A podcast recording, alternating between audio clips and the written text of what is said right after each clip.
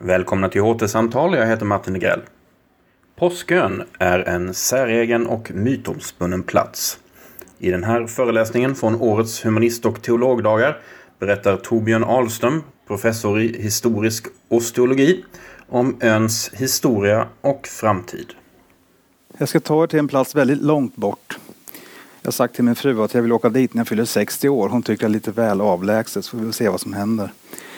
Men platsen jag kommer att prata om heter Rapa Nui på polynesiska. Och det betyder egentligen bara Stora Rapa. Och det betyder att det finns en annan ö man har jämfört den mot som heter Rapa som ligger ungefär 3500 kilometer västerut. Vad den här ön hette från början är det naturligtvis ingen som vet. Men i, i eh, Europa är den känd som Påskön därför att en holländsk upptäcktsresande, Jacob Rocheveen, kommer hit 1722 den 5 april, påskdagen. Och då ger han namnet Påskön till den här ön. Den är inte speciellt stor som ni kommer att se. Det är tre vulkaner som är så att säga landmärkena på den här ön. Ranukau, Poike och Terevaka. Det har beskrivits som jordens mest ensamma plats. Och man häpnar när man lägger in avstånden till andra öar och kontinenter. Till Chile, som är den närmsta kontinenten, är det 3512 kilometer. Flyger man dit från Santiago så har man att se fram emot flera timmars flygresa innan man kommer till Påskö. Det finns en ö i närheten där som ni ser, Salas y Gomes, som bara ligger 415 kilometer från Påskön. Och det här är egentligen bara en liten bergstopp som sticker ut upp ur vattnet. Det går inte att bo där Eh, blåser det så, så är det inte mycket, mycket sten man har under fötterna. Det finns inget färskvatten. Men det som är intressant med det här är att det finns sägner från Påskön. Att man har gett sig av till den här lilla klippan för att fånga fågel eller ta fågelägg. Och ni ser här de andra avstånden, jag går inte igenom det. Men det som kanske är intressant då det är avståndet till franska Polynesien och Pitcairnöarna. Det är fortfarande långt. För det är den regionen man har letat efter ursprunget till den kultur som finns på Rapa Nui. Marquesasöarna eller Mangareva är öar som har nämnts som koloniseras ungefär samtidigt som Påskön. Tittar man på en karta över Påskön så är den kan sägas eh, definierad av tre hörn, tre vulkaner. Ytan är inte mer än 164 kvadratkilometer jag tror att det är ungefär kanske lite mer än Körn så ni får någon referenspunkt. Det är ingen stor ö det här. Det är en vulkanö, det vill säga att det som sticker upp här är inte mycket högre än 500 meter ungefär. Men sen måste ni räkna med att vattnet utanför ön är ungefär 3000 meter djupt. Och det betyder också en sak. Den här ön saknar korallrev och det beror inte egentligen på djupet i så hög utsträckning utan det beror mer på att vattnet här även om det definieras som att det ska ligga i tropikerna fortfarande säga, är lite kallt, för kallt för koraller. Därför bildas inte korallrev här. Och det innebär också att vågorna slår rätt in på ön. Så det är en betydande erosion som sker här. Den är torr, ön. Det är tre vulkaner. Trevaka, Poike och Ranukau. Poike och Ranukau är de äldre vulkanerna. Och man brukar nämna, det finns lite olika uppgifter, men ungefär en halv miljon år sedan de var aktiva. Sen har vi Terevaka som är lite större och den som var aktivast senast. Och det finns indikationer på vulkanisk aktivitet på ön för ungefär 12 000 år sedan även om det finns enstaka vulkanbäddar som kan vara yngre. Så man säger att det här inte är en sovande vulkan, man vet inte det. Men så länge det har bott människor här i alla fall så har det inte varit något vulkanutbrott. Men att det är en vulkanö och består till stora delar av basalt gör att det är mycket sprickor. Den här ön är torr. Det regnar på våren men i september så börjar torkan igen på den här ön. Framtiden var temat för HT-dagarna i år. Vi skäl inte från framtiden. Det här citatet är hämtat från en bok som handlar om overshoot eller ekologi. Och det kommer från en amerikansk journalist som befinner sig i Ukraina 1921. Och han går ner mot floden Dnepr där han ser en grupp människor som är svårt, hårt ansatta av svält. Några av dem har tidigare dukat under, några är på väg att duka under. Men det märkliga är att på fältet intill ser han en soldat som står och vaktar säd. Och då går han fram till den äldste mannen bland de här svältande och frågar varför övermannar ni inte den här soldaten och tar säden och äter den? Och då tittar han på honom nästan uppgivet där han står. Vi skäl inte från framtiden. Och det här är på något sätt fångar ju in det här begreppet hållbar utveckling. De nästan håller på att svälta ihjäl men de kan fortfarande inte tänka sig att äta av utsädet för nästa år. Och vad som gör påskön intressant är de diskussioner som har förts under senare år. Ni kanske känner igen den här boken som kom 2005. Jag vet inte exakt när den blev översatt till svenska. Jerry Diamonds Collapse. Och då pratar han om påskön som ett exempel på ekocid eller överskjutning. Jag vet inte om överskjutning är rätt översatt från overshoot som är det engelska begreppet. Men är man från Länsstyrelsen så är överskjutning att man har jagat mer än kvoten. Men det är inte det jag menar här. Ni kommer att få se sen så småningom vad jag menar med begreppet ekocid. Jerry Diamond populariserar det här men det viktiga att komma ihåg är att det är flera som har tänkt i de här banorna långt innan Diamond. Perouse 1786 konstaterar när han kommer dit med ett skepp att ön är tom på träd. Han menar på att det är förmodligen folket som bor här som har avskogat ön. En annan William Mulley som kom dit i samband med eh, Tor Heyerdahls resor. Han menar också att det här var någonting som var avskogat av människa. Så även John Flenley. Och sen två tyska forskare från Kiel. Efter det att den här boken publicerades så blev det ju en, en diskussion som ibland gick ganska högt. Inom eh, arkeologi bland annat. Så det kom en bok som hette Questioning Collapse. Som var mycket en, en, en, ett genmäle mot den här boken. Och i den här boken så finns det två amerikanska forskare. De kommer från Hawaii så de är ju vana att arbeta med öar i Stilla havet. Terry Hunt och Carl Lipo. Och de menar att det inte alls handlar om att det är människor som har avskogat den här ön utan det är råttor. Och jag kommer tillbaks till det här sen. Och därför kan man egentligen inte prata om en överskjutning eller ett ekocid. Vad det handlar om är ett genocid. Det vill säga ett ja, folkmord skulle man kunna kalla det för. Men vad som händer i alla fall på ön det är att ursprungsbefolkningen, Rapa Nui, kraftigt reduceras så att i början på 1900-talet är det ungefär 150 personer kvar som kan karaktäriseras som, som eh, Rapa Nui. Jag tror inte man kan komma förbi Tor Heyerdahl.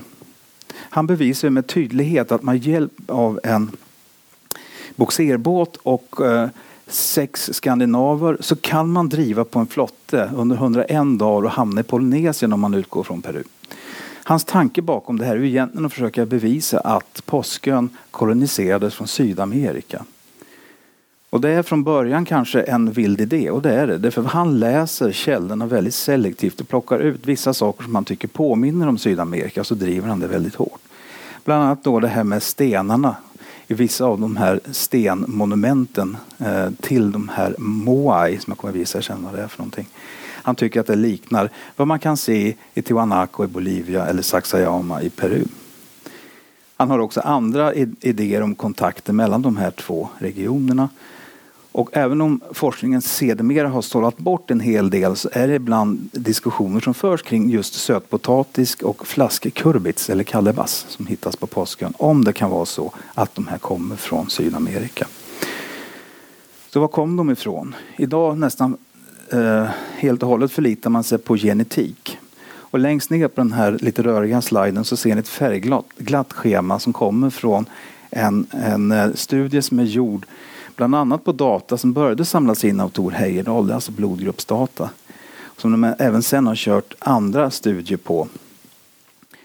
Och bland annat involverat eh, kollegor i Köpenhamn som ägnar sig åt DNA i ben annars. Och tittar ni längst ut där så ser ni att Rapa Nui så finns det lite grann rött högst upp och det har man menat på att det här är en slags admixture som sker i genpoolen på påskön. Som förklaras av enligt deras sätt att räkna av en kolonisation från Sydamerika som de åldersbedömer till 1200-talet. Det finns mycket att säga om den studien. Problemet är att den bygger på blodgrupper som börjar samlas in 1950. Mot slutet av eh, 1800-talet och början på 1900-talet är det bara 150 kvar.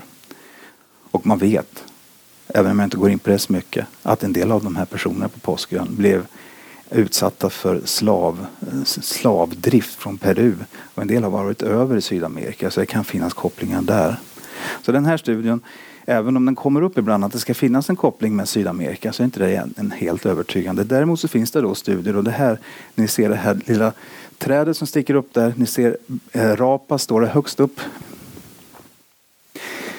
Och det här bygger på eh, DNA-studier och det visar att släktskap finns med Samoaöarna egentligen när det gäller Påskön och inte Sydamerika. Så man kan väl säga som så att idag så är väl eh, konsensus den att den mesta av de data man kan lägga fram så kommer eh, kolonisatörerna från väst, från Polynesien. Dels genetik, ADNA. Det finns inte så mycket gjort när det gäller skelettmaterialet från Rapa Nui. Det finns en del mitokondrie-DNA man har försökt få fram och lyckats. Men något helt genom, mig veterligen, har man inte fått fram, fått fram än. Sen finns det naturligtvis arkeologin. En hel del artefakter stämmer överens om vad vi visat förut när det gällde öarna i franska Polynesien och Pitcairnöarna. Antropologi. Man har ju tittat på skelett innan och de har ju hela tiden pekat västerut snarare än österut när det gäller affinitet och ursprung. Men också lingvistik. Det kan nämnas att James Cook som kommer till eh, Påskön 1777 har med sig en person från Tahiti. Och han förstår vad de säger. Han förstår inte allt, men han gör sig förstådd i alla fall med de som lever på Rapa Nui. Och grejen man, som man förstår härifrån, det är det man kallar för lapita. Som är kolonisationen som sker av oceanen som är jätteintressant. För den går väldigt fort. Den börjar ungefär för 4000 år sedan i Taiwan och sen går den hela vägen bort till, vi ska se på nästa karta här, ja förlåt. Jag vill bara visa den här bilden för att, på, för att påminna mig och säga att man kommer inte långt i Stilla havet med en balsaflotte trots att Heyerdahl kom fram till Polynesien. Man har räknat ut, för vi vet ju vindar, vi vet ju hur strömmarna går. Försöker man sätta sig på en balsaflotte i Pitcairnöarna med avsikten att ta sig till Påskön, då ska man ha tur. Man kan ju inte styra den på samma sätt som man kan med den här, för det här är den typen av katamaran eller två kanoter som de band ihop. De simuleringar som jag gjort visar att man oftast inte hamnar ens i närheten av Påskön. För Påskön är som en liten nål i en höstack. Ganska ensam den ligger ute i ett vitt hav. Däremot har man tillgång till de här och man har ju gjort ett försök nu för några år sedan där man tog med eh, en modern variant av en sån här katamaran. Och på 17 dagar tog man sig från Henderson Island som ligger i Pitcairnöarna till Påskön. Men förmodligen hade man satellitnavigering och liknande också. Men det jag vill ha sagt med det här är att man ska inte underskatta de här människornas förmåga att vistas ute på havet. Det har förmodligen varit en väldigt naturlig plats för dem. Och med den här typen av konstruktioner som är ganska sjövärdiga så kan de ta sig ganska långt. Det finns en idé faktiskt som jag kan nämna i sammanhanget och det är att kycklingar i Sydamerika har genetiska varianter som påminner om Polynesien. Så det kanske inte är så att sydamerikaner har tagit sig över till Påskön men polynesier kan ha tagit sig till Sydamerika. Här är då utbredningen av Lapita och den här kolonisationen går snabbt. Så att vid, vid i alla fall vid 1200-talet så är såväl Hawaii som Nya Zeeland Pitcairn och pilen där pekar väl ungefär var Påskön ligger för den ligger så långt bort. Det är den ostligaste Eh, hörnet i den här kolonisationen som följer av Lapita. Lapita använder man inte som begrepp då utan Lapita hör till Melanesien och Mikronesien. Men då tar man sig ut på de riktigt öppna haven och koloniserar de här öarna. När? Det här är en fråga som man har stött och blött när det gäller Påskön. När koloniseras den här ön? Och den långa bilden ni ser här, som kommer från Wikipedia, visar Anakena Beach på Påskön. Det är en av två sandstränder som finns på ön. Det är en av två stränder där man kan ta sig i land ganska enkelt med en kanot och dra upp den på en sandstrand. I övrigt så är det mycket klippstränder på ön. Ni har de här Ahu, det är som de här stenplattformarna på vilka det står stenfigurer som kallas för Moai. Och enligt legenden så kommer den här Hutu Matua landstiger här med två kanoter räknade till 3-100 män, kvinnor och barn. Och när gjorde han det? Ja, tittar man på vad man hittar här arkeologiskt, för det här är en plats som har grävts ganska intensivt, så hittar man lämningar efter sadeldelfin som är daterade till ungefär, man kan nämna 700-800 efter Kristus. Men sen kom en andra eh, studie för några år sedan som gjorde om en studie av de här dateringarna av Wilmshurst. Och de satte kolonisationen av Påskön till 1200-1253 efter Kristus, alltså betydligt senare. Många har accepterat den här. Jag har inte gjort det därför att vad jag tror att de ser här är inte själva kolonisationen, för den är svår att se arkeologiskt, utan vad de ser här, den här befolkningen på Påskön börjar växa i antal. Så det svänger lite grann. Ni kan se i uppgifter på 800 eller 1200-tal när det gäller när man kommer hit. Det går inte att komma ifrån att man måste nämna någonting om det som Påskön är känt för. Det vill säga Moai som är de här stenstoderna och Aho som är den stenplattform som de står på. Den här bilden, den gamla målningen där, är från Perus och den visar egentligen när han själv står där och försöker mäta upp. Han var på Påskön men sen försvann han på Stilla havet men han hann skicka hem en hel del av den vittnesbörd som expeditionen lämnade så att det kom till Europa även om han själv aldrig kom tillbaks. Dateringen här är 1250 till 1500 efter Kristus och den ni ser här längs bergsluttningen är Rano Raraku som är egentligen det stenbrott där de här tillverkas. Här ligger en vulkan och här har också eh, pyst ut aska som sedan har bildat tuff. Så man kan ta en, ett, en basaltsten eh, och försöka hugga till den här tuffen och få någonting som liknar en staty. Om ni ser, ser några där. Man räknar till ungefär 8 till 1000, 800 till 1000 stycken och man vet inte för säkert under de här koluvierna, det här som har runnit ner den här jorden, så ligger det fler av de här Moai. Och man menar på att det här är en anfäderskult, det är förfäderna som, som symboliseras med de här stenstoderna. De har ibland då ställts upp på stora långa ahus där man ser flera av de här Moai som de kallas för. Ehm, de står alla längs med kusten. Det är egentligen bara där vi inte har, det är möjligt att det har funnits här men de har försvunnit. Men de står längs med kusten. Och man skulle kunna tro att de tittar utåt mot havet för att markera här bor vi. Men det gör de inte, de tittar inåt mot ön. De tittar in mot de områden där klanen så att säga lever eller levde. Vilket kan i och för sig vara ganska ångestladdat att ha släktingar representerade av stenstoder som hela tiden står och tittar in mot en. Tänk er själva om ni har den i trädgården på svärmor när Koka här, när, när de här franska upptäcktsresande är här så pratar de alltid om att de här stenstoderna står uppe på Aho. Men någonting har hänt efter det. Så de flesta sen i början på 1900-talet har rivits ner av Rapa Nui. Sen sedermera har de naturligtvis också byggts upp. Bostäder finns på ön. Det finns dels i grottor, lavagångar, men också i hus de har använt lavasten som man har perforerat och satt upp som vidjer. Och här går man bara in och lägger sig. Det finns ingen, inget tecken arkeologiskt på att det skulle vara någon annan verksamhet här. Det finns inget kök eller något liknande. Utan det här är en, i princip en sovplats. En del av födan kom med dem när de kom bort från Pitcairnöarna. Sötpotatis, taro, jams, banan, sockerrör.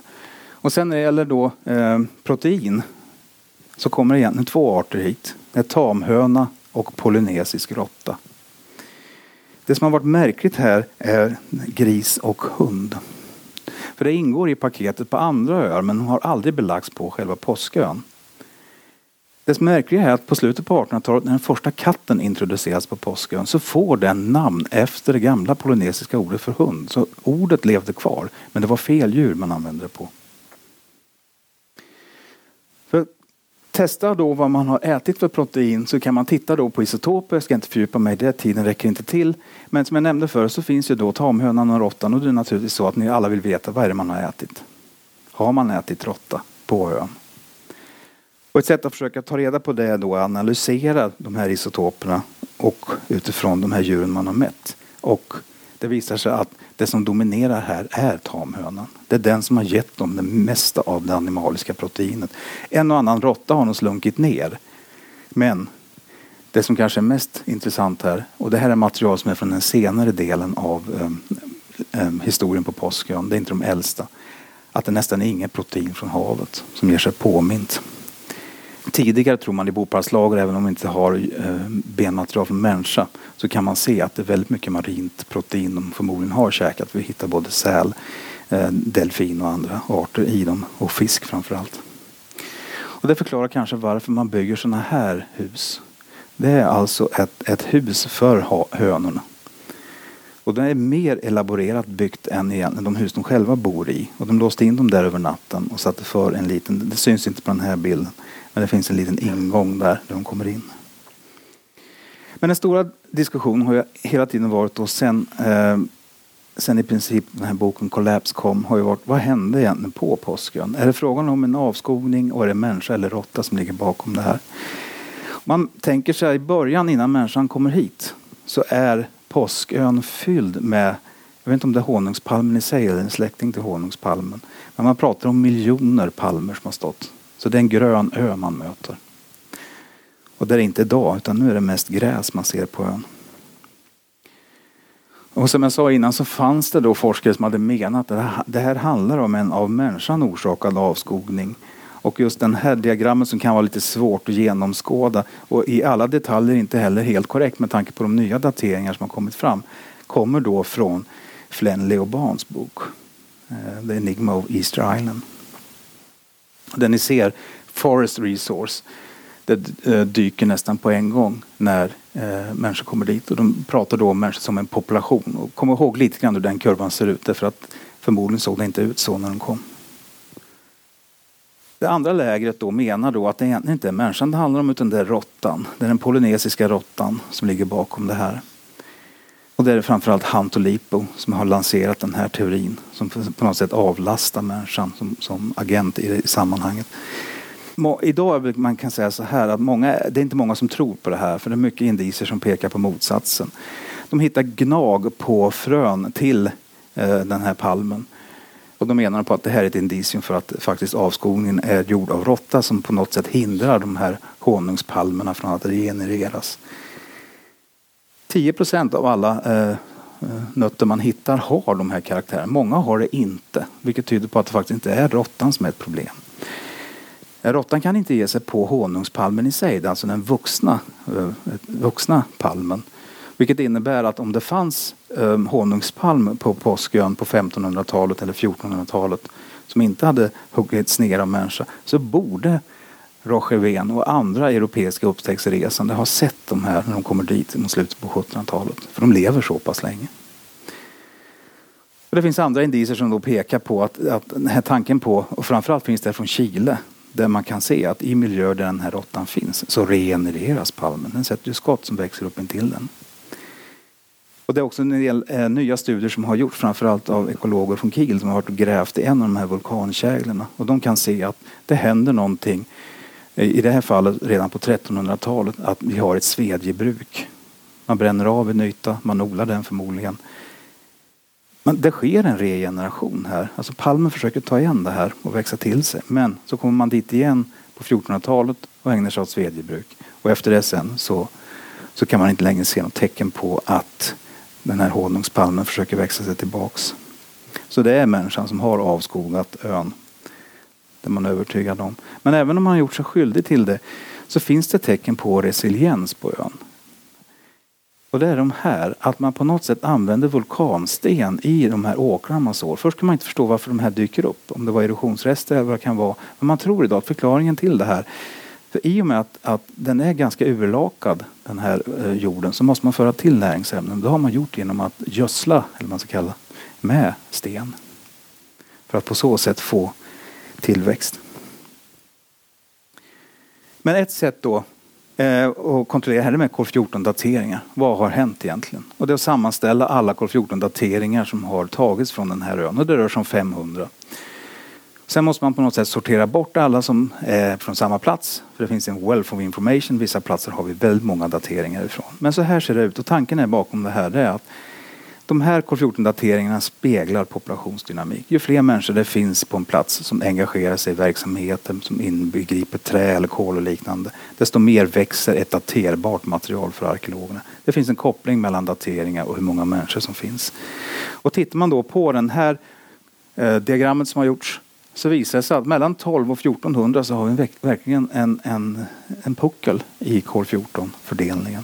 Som tyder på att då är det som mest intensivast på ön. Det är också då man reser de här Moai, bygger Auhus. Och det är också då vi ser en början på avskogningen. Jämför man då med de modeller som har funnits som beskriver det här så kan man konstatera en sak. Lip och Hunt här, de säger ju att när de väl har kommit dit någon gång kring 1200 så håller de sig kring 3000 ända fram till européerna kommer och då kommer sjukdomar och liknande. Den andra här, Taylor och Brander, de har räknat på det här rent matematiskt och, då, och man kan se här, även om det kan vara svårt att jämföra, men den kurvan som bygger på arkeologin enligt min mening är intressantast. Den här pilen visar ju att tillväxten i de här populationen är betydligt lägre än vad man har räknat med. Det i sig är intressant. Varför tar det så lång tid innan de börjar säga, växa till? Och tittar ni vid 1200 ungefär, då stiger den här kurvan brant. Och det betyder att befolkningen växer därefter. en stor befolkningstillväxt på Påskön då. På andra sidan pucken har ni också en pil och då är det förmodligen vad vi ser här är en sån här överskjutning eller overshoot. Med associerat med att man har börjat bränna bort skogen och man har på ett sätt utarmat eh, miljön på ön. Och av de här modellerna så kan man säga så här att ingen av dem stämmer vilket gör det här till en utmaning för en som är intresserad av arkeologi. Att försöka förklara det här på ett sätt som traditionella matematiska modeller eller enklare modeller inte kan. Jag kan säga också innan jag avslutar det här, jag nu. Det här finns också samma bild på Hawaii, det finns samma bild på i Nya Zeeland. Alla de här öarna som koloniserades i Stilla havet har ungefär samma bild med väldigt hög tillväxt i början. Så är den här ön en spegling av mänskligheten? Den används ju så ibland. Ja, vi har en overshoot snarare än genocide som är associerad med dels byggandet av de här Moai, Aho och avskogningen. Men sen kommer en fas 2 som är genocide, men den inträffar senare egentligen. Där dels är peruanska slav, eh, slavräder mot Påskön. Det kommer sjukdomar dit naturligtvis som de saknar immunitet mot. Men vi ser även tecken på att även om det här har inträffat så finns det tecken på resiliens. Att i den här karga miljön så lyckas man odla. Därför vad man är beroende av efter den här pucken det är i stora drag terrestriska födoämnen. Som det man odlar och hönan. Till saken hör att även om det kanske ibland tonas ner men vi går ju in i en, i en, i en klimatperiod som här uppe kallas lilla istiden och exakt vad den betyder där nere det kan vara svårt att veta. Men Henderson och Pitcairn, de här öarna som koloniserades ungefär samtidigt som Påskön. Där ser man inga arkeologiska indikationer på bosättning efter 1400 efter Kristus. Så när de första européerna kommer dit så är, finns det inga människor på de här öarna. Antingen har de gett sig av därifrån eller så har de dött ut på öarna. Och Pitcairn kanske är mest känd för att vara där Bounty-myteristerna eh, slog sig ner. Så är det här en spegling av mänskligheten? Tveksamt. Om man bara tittar på principer från öbiogeografi så vet vi att problemen uppstår när man befinner sig på en liten ö långt bort från en kontinent. Liten ö, eh, få eh, så att säga, liten biomassa att leva av men också stora avstånd. Svårt att regenerera faunan och floran på den här ön. Så förutsättningarna från början här på påsken var inte de bästa egentligen med tanke på var ön ligger och hur pass isolerad den är.